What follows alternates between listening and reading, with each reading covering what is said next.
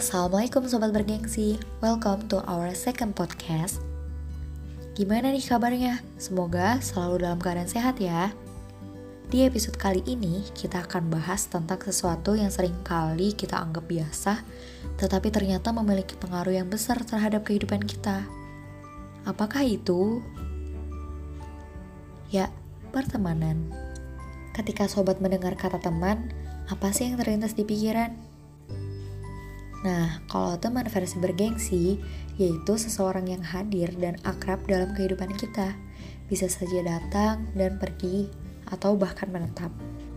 Menurut Albert Bandura, seorang tokoh psikologi dalam teori behavioristiknya, lingkungan sekitar menjadi faktor yang berpengaruh dalam pembentukan sikap dan tingkah laku. Teman menjadi bagian dari faktor lingkungan sekitar, bukan? Juga dijelaskan dalam sebuah hadis Rasulullah Shallallahu Alaihi Wasallam mengingatkan, permisalan teman yang baik dan teman yang buruk, ibarat seorang penjual minyak wangi dan seorang pandai besi. Penjual minyak wangi mungkin akan memberimu minyak wangi, atau engkau bisa membeli minyak wangi darinya.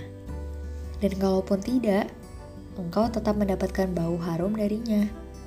Sedangkan pandai besi bisa jadi percikan apinya mengenai pakaianmu dan kalaupun tidak, engkau tetap mendapatkan bau asapnya yang tersedap.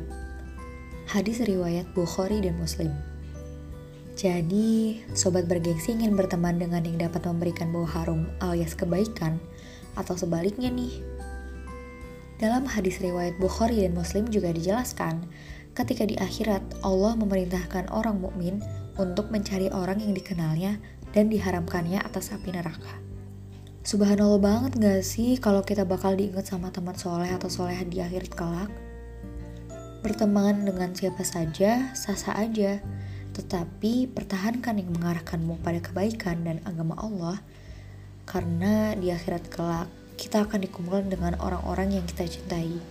Sekian dulu episode kali ini. Thanks for hearing our podcast. Have a nice day. Dan wassalamualaikum.